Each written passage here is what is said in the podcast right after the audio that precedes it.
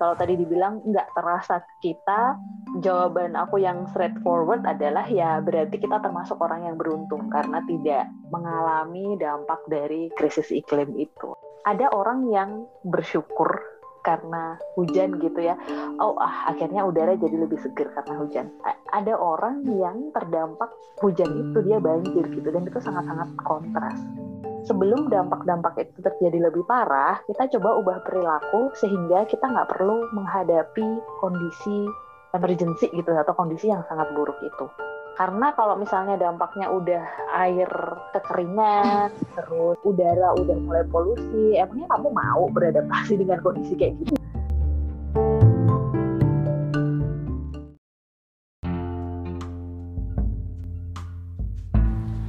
Krisis iklim tidak berdampak signifikan pada kita, sebab ini memang siklus alami bumi, dan kita, manusia serta lingkungan, dianugerahi kemampuan beradaptasi. Yang terpenting saat ini adalah pertumbuhan ekonomi, karena begitu banyak orang miskin yang mesti menghadapi urusan perut sehari-hari. Dengan pertumbuhan ekonomi, kita juga akan mampu mengembangkan teknologi untuk menghadapi perubahan apa pun yang terjadi pada bumi. Pernah mendengar pernyataan demikian? Bagaimana penjelasan atas pernyataan-pernyataan tersebut? Kita akan berbincang bersama seorang profesional yang mendalami Sustainable Energy and Development, Hening Marlistia Citra Ningrum, PhD. Selamat menyimak. Halo Kak Citra, sehat-sehat? Halo Kak Zaki, sehat juga. Gimana di sana?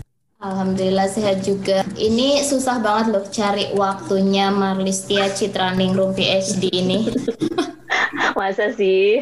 Cit, bahasan kita akan sangat menarik karena kita akan ngomongin mitos-mitosnya gitu ya, mitos dan fakta di krisis iklim. Banyak orang yang kadang berpendapat gitu ya bahwa krisis iklim tuh kayaknya nggak berdampak signifikan kok pada kita karena hari-hari juga berjalan seperti biasa gitu kan. Kita bicara macam-macam tuh juga. Kayak aku misalnya ya aku gunain listrik zoom gini aku juga menggunakan banyak sumber daya gitu kan uh, sumber daya energi. Jadi kayaknya hanya orang-orang tertentu aja sih yang terlalu meributkannya Oke, um, pertanyaannya langsung menohok ya. Kalau kita lihat, misalnya orang bicara krisis iklim ya, ap apa sih sebenarnya krisis iklim itu mungkin jadi hal yang terbayang pertama gitu. Kenapa orang segitu takutnya gitu ya tentang hmm. krisis iklim?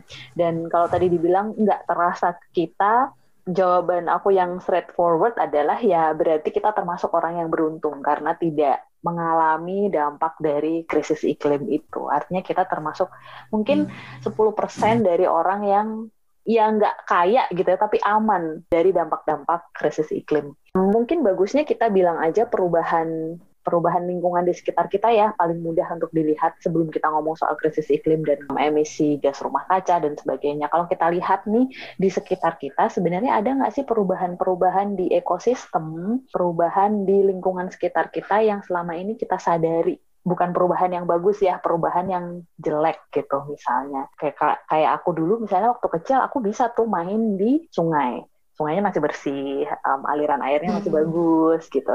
Sekarang udah udah nggak bisa lagi sungai yang sama, airnya udah nggak segitu beningnya, udah dikit banget gitu ya. Dan di musim kemarau dia kering. Jadi coba dilihat dari hal-hal kecil di sekitar kita yang kayak gitu. Apakah kita sekarang merasa bahwa oh kayaknya ini dulu kawasan hijau deh banyak pohonnya gitu ya. Oh sekarang kok jadi kering dan sebagainya. Gitu coba kita lihat lihatnya. Mungkin bukan yang gede banget gitu ya jadi kita tuh boleh dibilang sebenarnya tidak menyadari ya, jangan-jangan. Tidak menyadari karena kita tidak berada di lingkungan yang gitu, artinya kita beruntung ya atau berada dalam bubble lah istilahnya, dalam gelembung, atau emang kita nggak terlalu perhatian nama yang terjadi di sekitar kita. Oh iya, tidak terlalu perhatian. Tidak terlalu, perhatiannya cuma ke HP iya. terus. iya ya karena juga kadang mikirnya gini guys Cicit. Ya udah ini tuh perubahan alami aja. Memang bumi itu akan berubah gitu ya. Kayak dulu ada zaman es habis itu apa habis itu apa gitu. Ini alami aja. Pada akhirnya nanti akan menemukan titik imbangnya lagi. Gimana tuh Cit? Kalau bilangnya alami aja, benar sih bumi mengalami siklus perubahan iklim ya, bukan krisis perubahan iklim dalam sepanjang usia bumi lah. Pertanyaannya gini, dalam us rentang usia kita lah, katakanlah berapa? 60 sampai 80 tahun ya. Apakah kita beneran yakin nih ini sesuatu yang sifatnya alami gitu? Apakah kita beneran yakin bahwa itu akan terjadi di rentang usia kita yang sekarang misalnya kondisinya jelek, udah nggak enak lagi nih lingkungan sekitar kita terus akan membaik di 100 tahun ke depan. Kita kan juga nggak tahu ya.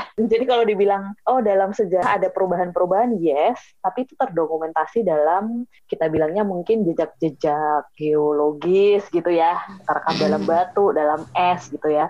Tapi kita sendiri sebenarnya tidak bisa bilang itu tidak meragukan atau bumi akan kembali lagi gitu ya karena kondisi zaman dulu tentunya berbeda dengan kondisi zaman sekarang dulu manusia masih sedikit gitu ya sekarang manusia udah semakin banyak aktivitasnya makin meningkat gitu ya. Jadi jangan dianggap sebagai sesuatu yang alami karena perubahan ini sudah banyak ilmuwan yang bersepakat kalau aktivitas manusia itu sangat berkontribusi terhadap perubahan lingkungan dan tidak dalam kondisi ke arah yang lebih baik apa aja tuh? Cid mungkin kita sering mendengar gitu tapi mungkin lama-lama sayup-sayup gitu ya saking banyaknya gitu. Apa aja sebenarnya kontribusi si manusia itu sendiri? Kayaknya tuh banyak banget tapi apa dari yang paling relate dengan kita sehari-hari Cid paling relate paling gampang mungkin air dan makanan ya. Karena setiap hari kita konsumsi makanan dan kita hmm. minum air ya itu kebutuhan untuk hidup area-area perumahan sekarang kan banyak tuh yang mulai merangsek ke daerah pertanian misalnya atau daerah-daerah hmm. yang seharusnya dipakai untuk tanaman pangan. Kita semakin banyak manusia otomatis kita juga perlu makanan ya. Jadi akan ada persaingan nih antara tempat kita tinggal dengan tempat untuk menumbuhkan makanan. Akan ada persaingan antara kita butuh air gitu ya dengan di mana kita bisa mendapatkan air yang mungkin tadinya hanya dari air permukaan seperti air sungai gitu ya uh, sekarang harus hmm. ngebor dalam nih karena air hmm. permukaan udah lagi nggak mencukupi untuk kebutuhan kita mandi minum dan sebagainya jadi dengan semakin bertambahnya manusia, semakin bertambahnya aktivitas kita juga, maka suplemen-suplemen, hal-hal yang perlu mendukung kita untuk hidup itu kan semakin bertambah juga gitu. Dan kita nggak bisa menafikan bahwa itu kita dapatkan dari bumi ya dari lingkungan sekitar kita dan itu proporsional enggak dengan apa yang kita butuhkan itu yang menjadi pertanyaan selanjutnya. Oh, Oke, okay. tadi aku balik ke pertanyaan kalau yang sehari-hari kita lakukan itu, kak kalau itu tadi kan mungkin jangka panjang nggak sih, Cip? Soal air, soal perebutan kayak gitu. Kalau yang benar-benar sehari-hari gitu, aku kadang kayak misal nih listrik nggak sebenarnya gue nggak pakai nggak perlu pakai lampu nih di ruangan itu ruangan itu gitu tapi itu terdorong kan untuk oh kayaknya bagus deh kalau ini ditambah lampu di sini gitu apa hal yang yang manusiawi banget sering lakukan tanpa kita sadari bahwa itu tuh berkontribusi terhadap perubahan lingkungan di sekitar. Oke, okay, ini mungkin balik ke tadi krisis iklim ya. Krisis iklim uh. itu kan disebabkan karena emisi gas rumah kaca ya kita bilangnya terutama karbon dioksida itu semakin lama semakin naik gitu di atmosfer. Dan emisinya itu disebabkan oleh beberapa faktor. Ada yang dari energi energi itu ya listrik yang kita pakai kemudian bahan bakar kendaraan. Dari barang-barang yang kita pakai ini kan dihasilkan dari proses industri ya. Industri juga menggunakan bahan bakar jadi mengeluarkan emisi. Kemudian ada juga dari sektor misalnya sektor kehutanan pembakaran hutan yang terkait dengan lahan gitulah ya intinya. Itu juga menghasilkan emisi gas rumah kaca gitu. Jadi ada beberapa sektor lah kalau kita anggap yang berkontribusi terhadap krisis iklim. Energi itu sekarang porsinya masih bisa dibilang rendah ya, sekitar 30% sampai 40% lah ya dari penyebab emisi gas rumah kaca tadi. Tapi itu akan semakin naik sampai nanti menjadi sekitar 70% lah di tahun 2025-2030 gitu ya. Karena kebutuhan energi kita tuh semakin lama semakin meningkat.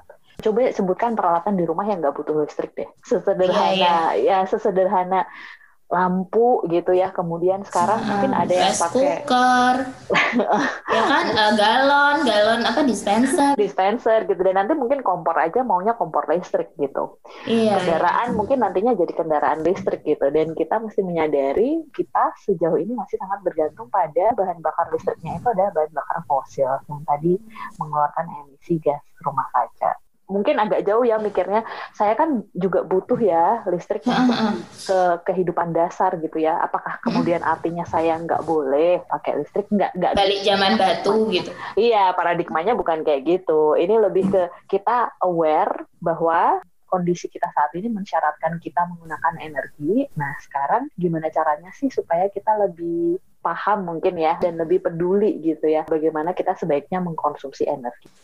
Oke, dan teman-teman yang bergerak di bidang itu mulai mencari energi terbarukan ya kalau kita tahu gitu perjuangan teman-teman di bidang itu. Ya kan citra termasuk yang citra kerjakan.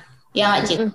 Kalau di sektor energi kita mikirnya adalah karena ini akan menjadi sektor yang sangat berkontribusi gitu ya pada kehidupan hmm. manusia dan juga pada gas emisi gas rumah kaca maka bisa nggak sih kita mengganti sumber-sumber energi yang tanda kutip kotor tadi ke hmm. sumber-sumber energi yang lebih bersih? Itu yang pertama. Kemudian yang kedua adalah apakah kita bisa mengubah pola pola konsumsi energi ya? Kalau tadi kan sumber energi ngomong dari sisi oh, supply Nah, sekarang kita coba ngomong dari sisi demand-nya, dari sisi permintaannya. Jadi itu dua hal yang saling berhubungan. Berhubungan.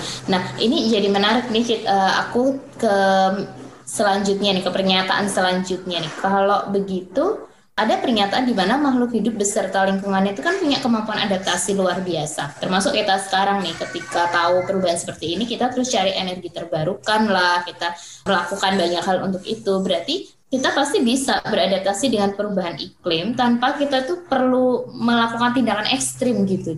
Gimana? Ini pernyataannya mungkin perlu diklarifikasi ya. Beradaptasi ini kalau untuk manusia kan kemungkinan besar perilaku ya. Bagaimana kita mengubah perilaku kita terhadap perubahan yang ada gitu. Nah, kalau kita udah bicara soal krisis iklim dan dampaknya, kalau dampaknya itu negatif, bisa nggak kita mengubah perilaku kita menyesuaikan dengan itu? Atau sebelum dampak-dampak itu terjadi lebih parah, kita coba ubah perilaku sehingga kita nggak perlu menghadapi kondisi emergency gitu atau kondisi yang sangat buruk itu. Karena kalau misalnya dampaknya udah air, misalnya ya kekeringan, terus udara udah mulai polusi, emangnya kamu mau beradaptasi dengan kondisi kayak gitu? Hmm. Kan enggak juga. Justru kita harus berpikir gimana caranya kita mengubah perilaku sekarang supaya kita nggak kita nggak perlu lagi beradaptasi dengan kondisi kayak gitu karena kita nggak tahu ya seberapa mampunya kita sampai level apa sih adaptasi kita itu atau butuh berapa lama gitu evolusi manusia katakanlah kan juga lama banget gitu kan ya hmm, hmm. apa kita mau jadi kayak Sandy Sandy Tupai itu akhirnya hidup di bikini bottom yang realistis aja gitu Iya, iya, iya, iya. Apakah kita mau menunggu saat itu? Karena kita nggak pernah benar-benar tahu kan ya hasilnya nanti gitu ini jadi menarik itu gini kalau aku lihat kebetulan kan lihat Netflix ya aku sempat mention Citra juga kemarin di mm-hmm. misal kayak dokumenter-dokumenter tentang laut gitu ya tentang samudra hutan gitu. Yang tidak kita sangka itu ternyata misal nih kematian terumbu karang itu tuh efeknya buat kita manusia itu panjang tapi besar gitu loh. Kayak jalurnya tuh panjang. Kita kan selalu gitu ya kalau oh kasihan ikan-ikan pada mati. Terus orang tuh nggak langsung mikir ya so what gitu kan. Padahal efek ke kita itu besar gitu. Misal kayak paus gitu kan. Kenapa gitu? Misal itu juga ternyata dia penghasil oksigen terumbu karang juga begitu gitu. Nah panjangnya itu loh cit alur panjangnya dari perubahan lingkungan ke efeknya langsung efek langsung ke kita itu menurutmu sangat mempengaruhi perilaku kita nggak sih untuk menghadapi perubahan iklim ini? Ya gimana sih Iya, ketika kita ngomong perubahan iklim atau krisis iklim ya, contoh yang sering diambil itu kan beruang kutub ya, bahwa polar bear itu mm-hmm. kehilangan habitatnya gitu ya, kemudian terumbu karang mulai bleaching ya bahasanya. Iya, memutih. Ya memutih gitulah, mm-hmm. dan akhirnya akan mati ya, dan itu mau mempengaruhi rantai makanan kan, ekosistem laut yang akhirnya akan berpengaruh ke kita. Kita sering jumawa karena itu nggak berdampak langsung ke gue kok kutub utara jauh kok gitu. Atau oh, rumah aku di kota kok aku nggak nggak deket sama laut misalnya kayak gitu. Hal-hal seperti film dokumenter seperti podcast atau media-media lain yang mengangkat dampak ini kepada orang lain itu yang harus banyak dibicarakan ya. Karena misalnya kita nggak bisa bilang orang kota kita jeblosin ke mana gitu ya supaya merasakan dampaknya hmm. untuk kemudian berubah. Bisa jadi ya bisa jadi mereka akan berubah tapi kita nggak bisa menciptakan suasana di mana mereka benar-benar tahu dampaknya seperti apa. Jadi harus banyak evidence kalau aku bilang ya, banyak contohnya. Kalau orang desa kayak aku gitu ya rumahnya di desa ya aku tahu bahwa perubahan lingkungan itu udah terjadi. Orang kota belum tentu kayak gitu. Dan aku harus bilang dengan sedih ya, hmm? film Paras Parasite itu benar adanya. Ada orang yang bersyukur karena hujan gitu ya. Oh, ah, akhirnya udara jadi lebih segar karena hujan. A ada orang yang terdampak hujan itu dia banjir gitu dan itu sangat-sangat kontras. Jadi kalau ada yang bilang saya nggak merasakan dampak krisis iklim, hey, kamu adalah orang yang sangat beruntung. Tapi kamu jangan menutup mata bahwa ada daerah-daerah orang-orang di Indonesia yang merasakan dampaknya. Terus kamu bisa suka-suka aja tetap melakukan hal-hal yang tanda kutip kita bilang merugikan gitu ya. Kita nggak merasakan dampaknya, tapi bisa jadi kita tuh kontributornya. Iya. Betul, betul, betul. Itu lebih sedih lagi sih ya. Jangan menutup mata aja sih kalau aku bilang ya. Dan kan kalau kita ngomongin konsep Indonesia gitu ya, hmm. Indonesia itu kan sangat bervariasi ya dari Sabang sampai Merauke, pegunungan sampai pesisir gitu ya. Gejala-gejala krisis iklim itu udah nampak. Cuman kitanya yang harus mungkin harus cari, enggak harus cari juga ya. Baca sebenarnya udah cukup banyak yang mengangkat gitu ya. Jangan-jangan kita memang terpaparnya cuma dikit dengan informasi-informasi kayak gitu karena lebih sering ngomongin K-pop, lebih sering ngomongin gosip-gosip. Lain ya gitu. perselingkuhan. Perselingkuhan artis loh kok malah saya? Habis ya. Iya. ini ini menarik nih. Echo chamber echo chambers ya. Itu berada di room atau di ruang-ruang yang memang kita ingin dengar aja gitu. Jadi kita nggak pernah baca tentang krisis iklim ya kita nggak akan ketemu informasi itu gitu. Itu menarik. Ini aku itu juga karena sebenarnya anakku tuh yang milihin film di Netflix karena kan wow. Dia kan lucu. Misalnya uh, Chasing Coral Coral itu aku suka banget tuh ya yang tentang buku karang itu.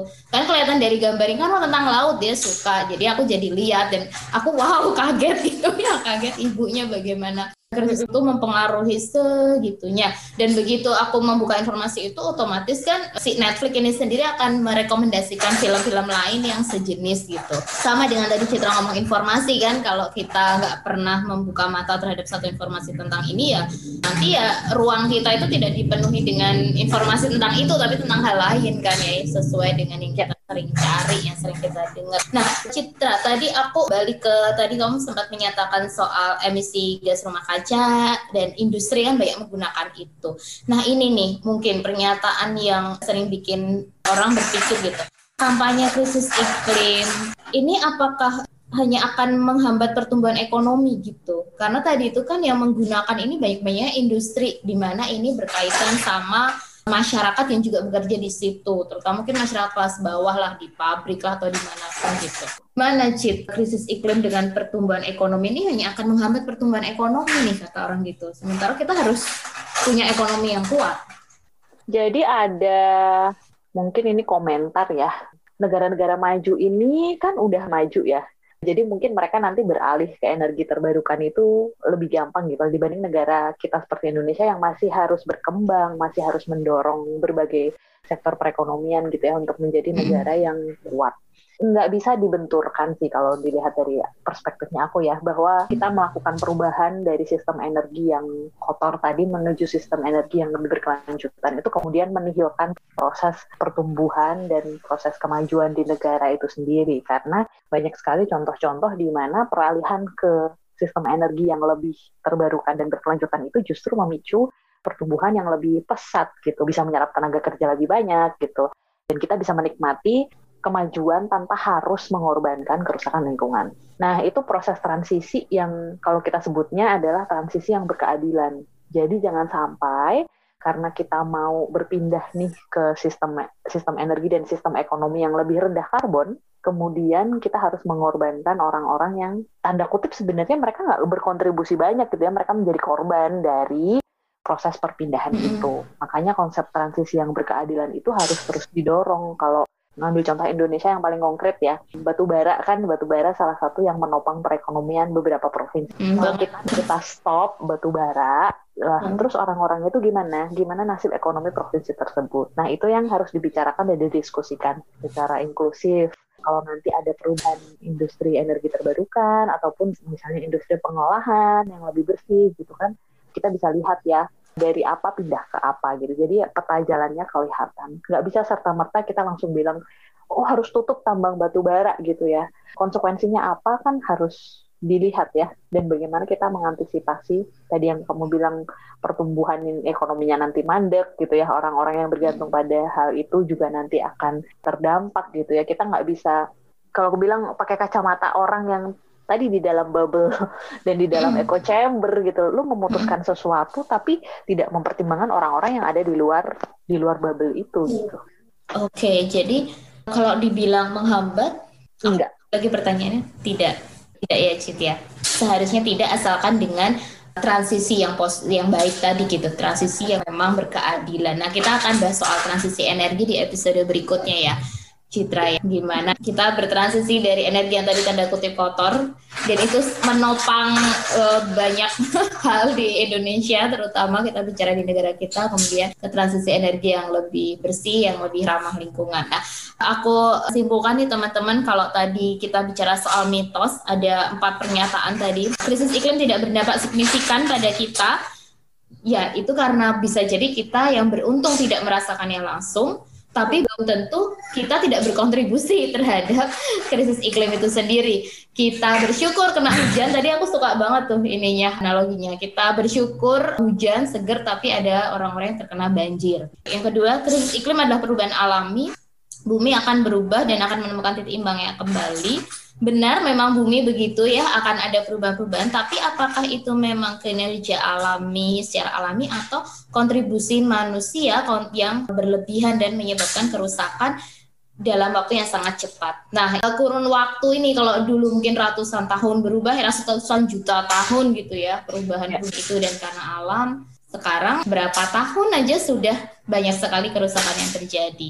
Kemudian ketiga, kita punya kemampuan adaptasi luar biasa. Nah, kata adaptasi ini teman-teman, tadi aku juga suka banget Citra nyebut, mau nunggu sampai apa gitu, sampai serusak apa untuk kita, emangnya nanti bisa gitu ya, kita kembali ke zaman batu.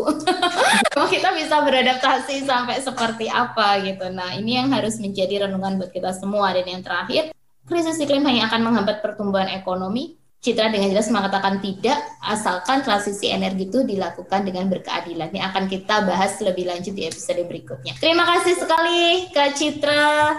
Terima kasih Kak Zaki. Luar biasa. Aku mau ini loh share rahasia ada followers yang nungguin banget loh podcast. Oh really?